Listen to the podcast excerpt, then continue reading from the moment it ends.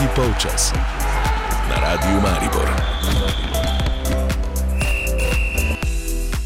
Spoštovane poslušalke, cenjeni poslušalci, dober dan v družbi tokratnega tretjega polčasa. Tema današnjega kramljanja bodo kvalifikacije za vrstitev na svetovno nogometno prvenstvo prihodnje leto v Katarju. Ne bom razmišljal sam o tem, ampak eh, pozdravljam v studiu moja današnja gosta, Jaša Lorenčiča in pa Simona Šparovca. Dobro dan in dobrodošla v družbi. Zdravo, Matej, da ne veš sam. Zdravo.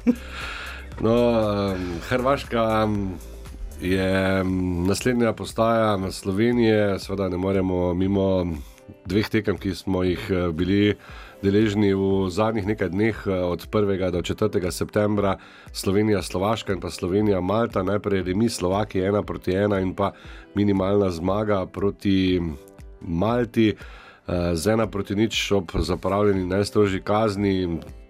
Peta tekma Slovenije je bila tole, skupno je Slovenija zbrala 7 točk, 2 zmagi, tista prva proti Hrvaški bo seveda še dolgo odmevala, potem dva poraza v Rusiji, v Sočiju, dve proti ena in pa na Cipru z ena proti nič, potem pa, kot že rečeno, Remi in nova zmaga, sedem točk za tretje mesto na razpredelnici skupine H, ki je lahko rečemo ja, nenavadna na vrhu.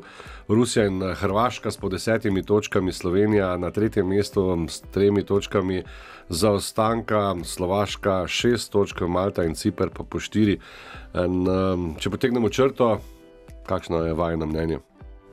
Dobro, če jaz začnem. E, na polovici kvalifikacij za svetovno prvenstvo smo, e, pa če pogledamo rezultate za nazaj, vse je še odprto. Slovenija na tretjem mestu s sedmimi točkami. In če pogledamo rezultate, ki jih je do zdaj Slovenija dosegla, e, vsi govorimo o slabših predstavah Slovenije na zadnjih.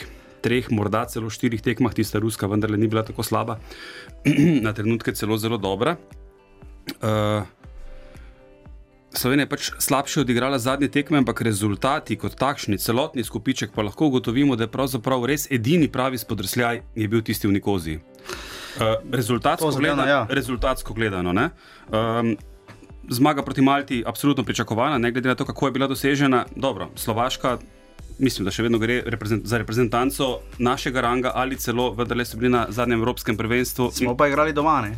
Res je, ampak če se spomnimo preteklosti, sej tudi Slovaki so zunaj že eh, Slovenci premagovali, ampak vendarle hočem postaviti to v kontekst. Da uh, je še vse odprto, in kljub temu, da se zadnje dni, predvsem, veliko pogovarjamo o slabših predstavah Slovenije, še zmeraj Slovenija ima dejansko vse možnosti, da um, še nekaj časa ostane v igri za svetovno prvenstvo. Je pa res, da se zdaj, potem, Jaša, kot si rekel, po tem neodločenem izidu proti Slovakom, bi se kakšna točka v splitu izjemno prilegla, to pa je to pa je kar, uh, kar mogočna misija za sedanjo podobo kekovih izbrancev. Zagotovo je lestvica, pa samo rezultate lepše gledati kot tekme. Ne. To je ena krat ena, mislim, da se tu lahko vsi strinjamo skupaj z selektorjem Kekom, ne, ki je rekel po tekmi ravno za Malto, da so res štele samo tri točke in da ni pa nor, da ne bi videl, da to ni bilo dobro. Uh, se absolutno strinjam z Simonom, smo na točki, ko uh, Slovenija sploh doma ima res kar zavedljivo formo. Uh, to je reprezentanca absolutno dvignila. Je pa res, da se potem kar naenkrat na hitro zalomi. Ne? Če se spomnimo tistega pogleda Matjaža Keka na Cipru, uh, je zelo spominjal na tistega v Skopju uh, v kvalifikacijah za Evropsko prvenstvo, ko je prevzel reprezentanco znova, um, ko nam je spodrsnilo ali v nizu tekem ali pa tam, ko je pa res bilo proti tekmecu celo, ki je v Bobnu za tabo ali pa za nami, tam nam je pa dosti krat spodrsnilo. In kot je rekel Simon, absolutno uh, imamo še vse možnosti, vsaj da mešamo štrene, uh, bo pa že če po jutrišnji večerni tekmi na polju, da res marsikaj jasno. Uh, Slovenija je, mislim, da tudi kar se sreče tiče sodniških odločitev, uh, kakšnih vratnic in tako naprej, mislim, da kar svojo srečo že precej pokurila. No, lahko se zanašamo tudi Absolutno. na to in si jo moraš tudi priboriti, ampak mislim, da smo večino sreče že kar pokurili. No. Ja, že proti, že proti Slovakom. Pa proti Hrvatom. tudi proti Hrvatom in seveda tudi proti Maltežanom. Tudi. Tista prva 11 metrovka.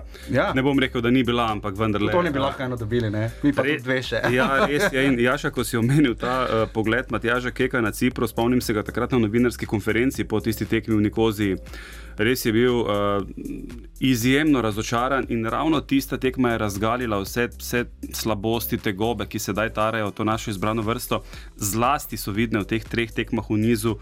Ko ekipa ni sposobna kontinuitete, in čeprav se zdi, da imamo reprezentanco, um, da je izbor igralcev večji, širši kot je bil včasih, da Matjaš kaj več, več rotira, tudi zaradi tega, ker išče neke optimalne rešitve, ampak vendarle se zdi, da. da um, te neke, te neke udarne igle pa še vendarle nismo ne. našli, ki bi, ki bi um, peljala do nekih večjih stvari. Ne?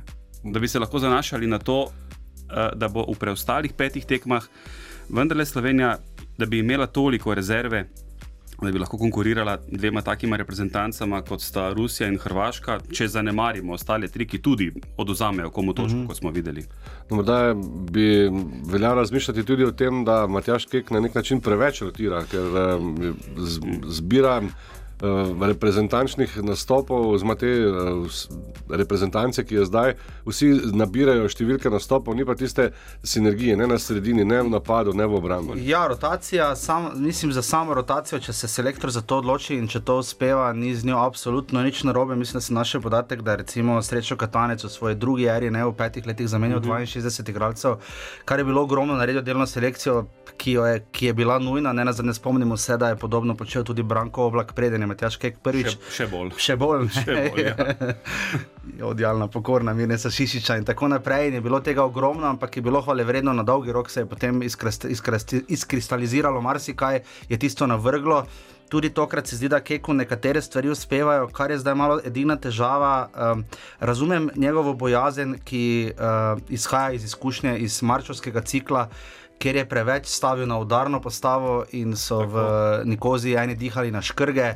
Um, uh, ekipa je padla, na koncu smo prejeli gol in izgubili. Uh, Tisto je bilo zelo boleče in skeleče, in razumem uh, selektorja, zakaj toliko vendarle menjava.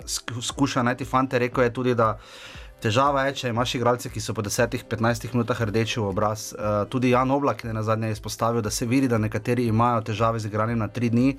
Um, ne glede na to, da igrajo v dobrih ligah, ko se bo štele, število nastopov v Ligi prvakov, v Evropski ligi, v konferenčni ligi, bomo tu kar tanki. No, in to se bo zdaj že poznalo, ampak jaz bi predvsem pa rad videl, da se bo selektor odločil za igralce, s katerimi misli ustrajati.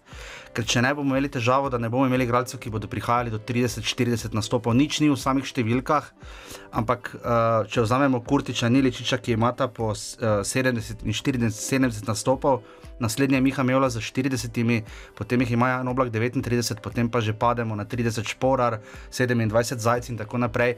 Če hočemo dobiti ekipo, ki bo vajena igrati skupaj, se bo pa selektor na eni točki pa mora odločiti za nogometaše, s katerimi bo strajal. Ne. In tu je Matjaš omenil ravno uh, to situacijo, ki je sedaj prisotna, da gre vendarle za mlado reprezentanco, ne toliko po imenih. Mislim, da je bolj ciljal mm -hmm. na, na uh, reprezentančno starost teh, ja. teh igralcev. In ravno to je Jaša sedaj omenil. Če se spomnimo naših prejšnjih generacij, vendarle so te igrali skupaj kar nekaj časa, prej si omenil Branka Oblaka, ki je nekako vendarle tlakoval neko reprezentanco za kasnejše uspehe um, Matjaža Keka. Ampak dobro. Ima pa naša reprezentanca tukaj vendarle morda prednost pod narekovaji, če upoštevamo vse te stvari, ki smo jih sedaj omenili, da tako oktobrski kot novembrski cikl bo vseboval po dve tekmi, torej teh treh tekem v nizu več ne bo, ker to se je res videlo ravno v tistem marčevskem ciklu, ko. Uh, ko je Kek verjel, da bodo lahko fanti zdržali vse tri tekme, pa smo potem na Cipru videli povsem drugačnega, tako Ilišiča, kot če hoče koga drugega. To je bilo takrat res um, evidentno in očitno. Uh, morda oktobra in uh, novembra teh težav ne bo imel, bi pa bilo, še enkrat poudarjamo, vse sedaj veliko lažje z vsaj predstavo, ki bi vzbujala nekaj več, čeprav Kek verjamem, da bi raje podpisal eno slabo tekmo in točko s poljuda. Ja, morda že to ne. Velike težave imamo z drugimi polčasi in zmenjavami. Slovenija še ni dala gola v drugem polčasu, svet samo po sebi statistični podatek, ki nujno ne pove veliko, če daš veliko v prvem polčasu, hvala Bogu. Ne. Ampak uh, težava nastane v tem, da so imeli kar precejšnje težave z menjavami, niso zadeli, uh, Slovaki so nas v stožicah kar konkretno stisnili proti koncu tekme. Mene se je zdelo, da če bi še pet minut igrali, bi tisto tekmo izgubili. Uh, Malta nam je fizično parirala po menjavah. Se mi zdi, da selektori, uh, tako malteški kot uh, slovaški, da sta mnogo bolje izkoristila svoje menjave. In bila kar razočarana, uh, tako en kot drugi, potem na koncu ja, po tekmi. Uh, tu mislim, da uh, je vizija Kekove igre. Uh, Bolj kot tekma napreduje in se na tekmi pač zgodijo določene stvari, lahko kdo manjka, lahko je vratnica, lahko so goli, vse kakorkoli. Ampak časoma, kjer pride do težav, je ta, da, da njegova osnovna ideja nekako se mi zdi splahni, da ni te celovite ideje, kako naj igramo. Še vedno mislim, da Slovenija prav je, da skuša igrati dobro, to je, ampak Slovenija se ni na ta način uvrščala na velika tekmovanja. Ne? Čeprav se mi je vendarle zdelo, da že proti Slovakom z Jasminom Kurtičem v prvi postavi bi bilo vse veliko lažje, um, veliko več te fizike, ki je Sloveniji manjkala na tej tekmi zlasti na tej tekmi, čeprav so tudi Maltežani uh mhm. -huh. nekako parirali vsemu skupaj. Ja. Uh, tako da še zmeraj, kljub tej, spet se vračam k tej širini. Še zmeraj so eni igravci pač nepogrešljivi, če ravno v ja. javnosti ja. morda mnenje ni tako, ampak Jasmin Kurtič je en takih igralcev, ki je za Slovenijo pač težko pogrešljiv, ravno zaradi nekih drugih lastnosti, ki morda niso toliko uh, uh, toliko vidne. Josip Piličič, ne, v bistvu zdaj se mi zdi, da brez njega neke prave ideje v napadu ni bilo. Ne. Ampak to ni nič novega. Za, ja. za njega, na plakatih za tekme, na katere vabi zveza, ja. bolj ali manj sta oblaki in Iličič, včasih še dajo koga zraven. In, se to je uh, jasno. Nad, nad Kurtičem so kritike, uh, ne glede na to, da je Adam Gnezda Čerin igral dobro tekmo, da je Biola Vasilitev v obrambo bila uspešna, da je Leo Štulac imel dobro tekmo proti Slovaški, da je Domen Črnigoj že znal uh, presenetiti. Uh, ti fanti ne izkočijo, Miha Zajc je zgledalo na neki točki, da bo, ampak se mu potem nekako zapleta, čeprav Fenerbahče z Mesetom Ezelom sjajno mm -hmm. sodeluje. Uh, res za Turška liga, pustimo zdaj, v kakšnem stanju je in koliko konkurenčna največjim. Ampak tu nam še manjka, ne? predvsem pa pač 4-4 imamo gor razliko. Ne? Če v obrambi še ja. nekako pokrpamo, imamo pač res težave v napadu. Ne? Ne? Na zadnje, Andraš Porar ima na 30 tekmah 4 gole, mislim, da od tega dva dal uh, Gibraltarju in zdaj ima 11 metrov. Res, da vsak lahko zgreši, nič narobe se zgodi, ampak. Uh, priložnosti, ki jih ima Jan Mlakar proti Slovaški. Ne. Se tudi to zgodi, ampak težava je, če se ti začne to ponavljati. Mislim, da Šporar ima tudi že v marčevskem ciklu par priložnosti, ko bi lahko zadeval, pa že v Ligi narodov. Še vedno pa je dobro, da vendarle prihajajo neke priložnosti, da si jih priigrajo. Ja, super. Ampak smo potem zopet pri tej, morda se bom malo grobo izrazil, pri tej sivini, povprečju. Ko se nekako zlijejo vsi v reprezentanco, manjka pa vendarle tisto nekaj več, da bi nekdo le toliko izstopil, izskočil, kot je kdo prej, da je v prejšnjih generacijah, ne, da bi. Da bi uh... Da me boha. ja, morda tudi Pokemon, ne, zate, ne. Absolutno. Uh, dobro, on absolutno je en tak igralec, yeah. ki, ki je v preteklosti pokazal tako na klubski ravni, kot. Uh, da je faktor uh, X lahko. Ja, lahko, ja. Predvsem želim povedati, da tudi ne odloča zmeraj zgolj tista Eh, nogometna kvaliteta, so pomembne tudi zlasti v reprezentanci, tudi druge stvari. In vse ta kemija, mislim, da se je kar ustvarila. Kaj želi videti fajtanje? Pa te, koga ti vidiš, da bi lahko fajtal najbolj? Ker on bi rad videl to borbenost, ta žarvo, če je to, kakšen faul več si je zaželel. Ja. In to je tisti pol koraka. Ne? Petr Stojanovič. Ne? Recimo. Tudi on, tisti gol eh, za ena proti nič, bo verjetno tudi um, neka morda kakšna. Um, jeziček na kakšni tehnici. Um, se tudi, če ostale tekme pogledamo, ne, pričakovana zmaga Rusije nad Ciprom z dve nič, pa na koncu Slovaška, Hrvaška nič proti ena, z res uh, Eurogolom Brozoviča, ampak vseeno, ne, če tako malce pogledamo, remi proti Slovakom, uh, zmaga proti Hrvatom, zdaj Hrvati boljši od Slovakov. Uh, zdi se, da bi bila lahko vrata tudi jutri zvečer v Splitu odprta, sploh ob manjku Luke Modriča in pa Anteja Budimirja. Mislim, da uh, kapetan in pa napadalec bosta še kako manjkala Zlatko Deliču, ali se motim. Ja, Širina je vendarle pri Dediču. Pri da, mislim, Zlatko Dalič je, tako, Zlatko Dalič je veliko ja. odnesel, se mi zdi, iz Evropskega prvenstva, ker je Hrvaška sicer verjetno imela absolutno popolnoma normalno kot svetovna podprvakinja še više cilje, ampak se je na koncu kar sestavilo s tistimi goli proti Škotom, pa tako proti, mislim, proti Čehom, pa tako naprej, pa tista nora tekma za Španijo in tako naprej.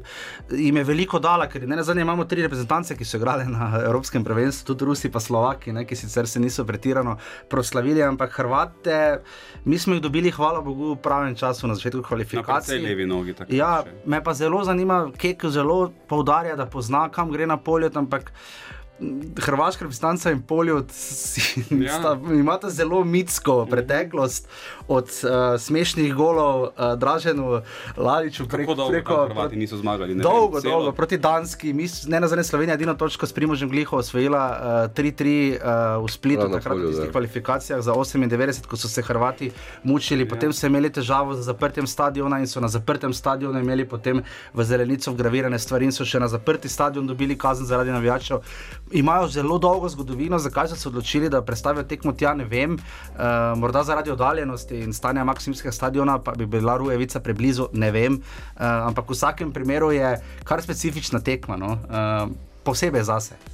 Lepo si dejal na začetku, da bo marsikaj znanega po tem šestem krogu, pa Slovenija, Hrvaška, oziroma Hrvaška, Slovenija, še Slovaška, Cipr, pa Rusija, Malta. Rusi mislim, da proti Malti ne bodo imeli veliko dela. Vprašanje je, koliko lahko Slovaki stržijo proti Cipru. Če se vrnem nazaj malo k Rusom in pa njihovi tekmi na Cipru, nekako potihem sem upal, zlasti glede na to, kako Ciprčani nastopajo doma. Mm -hmm. Če ravno nimajo neke podpore v okolju in vse, kar sodi zraven, ker gre vendarle za bolj klubsko naravnano nogometno državo, sem potihem upal, da, da bi morda Rusom lahko spodrsnilo, ampak je bilo hitro jasno, da bo to Ne, ne, nek vse. rutinski sprehod uh, čez Nikozijo. Uh, kar pomeni, da Rusi te tekme, male, pod narekovaj, kot kaže, mm -hmm.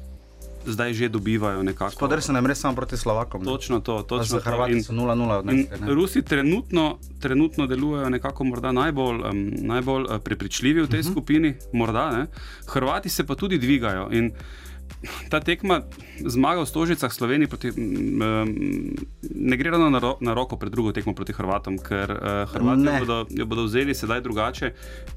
Lahko, seveda, če ravno govorijo, da bo to um, mediji, predvsem, da bo to um, prepričljiva zmaga, že vnaprej upisane tri točke, pa sem tudi jaz prepričan, da reprezentanca Slovenije podcenjevala ne bo, kvečemu jih je tista tekma v Ljubljani bolj počgala. Ja, pa dobro igrajo slovenska reprezentanca proti, ampak večinoma Ja. ja. doma, ne spomnimo se tekme za Anglijo, Slovaško. Mm -hmm. Ko nam sicer ni šlo na manjših tekmah, smo te tekme proti boljšim znali kar dobro odigrati, ampak spet pa na gostovanjih pa nismo pretirano prepričljivi, ne. to pa, tu pa so kar težave. No. Res pa, da imajo tudi Hrvati težave, če ravno imajo blazno širino, Da so res lahko izbirajo te nogometaše, ima, jih imajo za tri reprezentance, ampak kljub temu pa mislim, da teh um, uh, liderskih oseb, pa tudi oni, da ne prihajajo Ne. tako v reprezentanco, kot so včasih. Ne? In tu je morda tudi ena prednost uh, Slovenije, kot si prej omenil, Hrvaška brez Luke Modriča je vendarle drugačna reprezentanca Seveda. iz nekih drugih razlogov, ne, spet ne zgolj nogometnih. Kaj pa vem? Um, Sej, že selektor je povedal, tekmo, v kateri lahko Slovenija preseneti, če pa Slovenija ne bo odigrala na nekem ustreznem nivoju, pa je to lahko tudi kar presečni polom v splitu. Da, Morda je pač samo to, da če, izgubimo, če bi izgubili s Hrvati, pa se še druge tekme poklopijo, potem je za nas teoretično kvalifikacij praktično konec. Ali pa teoretično, ne pa praktično, prihaja potem Rusija v ljudski vrt in tako naprej. Ampak Če ravno im, Slovenija ima dober razpored do konca, potem ne glede na tekmo s Hrvaško, uh, Malta v gosteh, potem uh, Rusija doma, tekma na Slovaškem in pa, in pa doma s Ciprom. Ja, ja težko, bi, težko bi izbirali bolje. Ja. Ja. Sigurno. Tako da bomo videli, počakajmo do. Si upate napovedati? Manj. Izid? Ne. Ne, ne bomo Ne. napovedovali, nima smisla. Vemo, kaj si želimo, ampak, uh, ampak to, so, to so pač uh, morda realne, morda pa pobožne želje. To bomo videli jutri. Najbolj si želi verjetno tudi zveza, pa selektor sam, ker večkrat podari, da če želimo privabiti gledalce na stadion, potrebujemo rezultat, pač takšna je realnost. Žal v Sloveniji, um, kjer smo videli koliko 4200 in 4700 gledalcev na tekmi z uh, Slovaško in Malto. Če bi premagali Hrvate ali pa prinesli nazaj mi, mislim, da bi v ljudskem vrtu znal biti zelo dober obisk. Uh, Ja. ampak razumem Keka, zakaj pravi, da si mora reprezentanca to prislužiti, zakaj pravi, da je boljše 5000 navijačev, tistih pravih, kot pa kakorkoli drugače. Vsi pa predstavljamo torej lestvico, ki smo danes že omenili enkrat, dvakrat. Ne? Če bi Slova, Slovaki zdržali še teh nekaj minut proti, um, proti Hrvatom in obdržali neodločen izid, bi bila nenormalna gneča v tej, Ja. ja. uh, v tej skupini. Ne? To le kaže na, na blazno izenačenost, pa tudi Malta in Cipr nista tako daleč uh, od teh favoritov te skupine. Simon Šparavec, Jaša Lorenčič, Matej Štrafela smo bili danes v tem um, tretjem polčasu z oznako 6. september 2021. Hvala za vašo pozornost. Morda bomo pametnejši jutri po srečanju na Splitskem poljudu. Uh, hvala za vajna um, spoznanja, mišljenja in vse ostalo. Več športa sledi že v podanskih poročilih. Tretji polčas. Na radiju Maribor.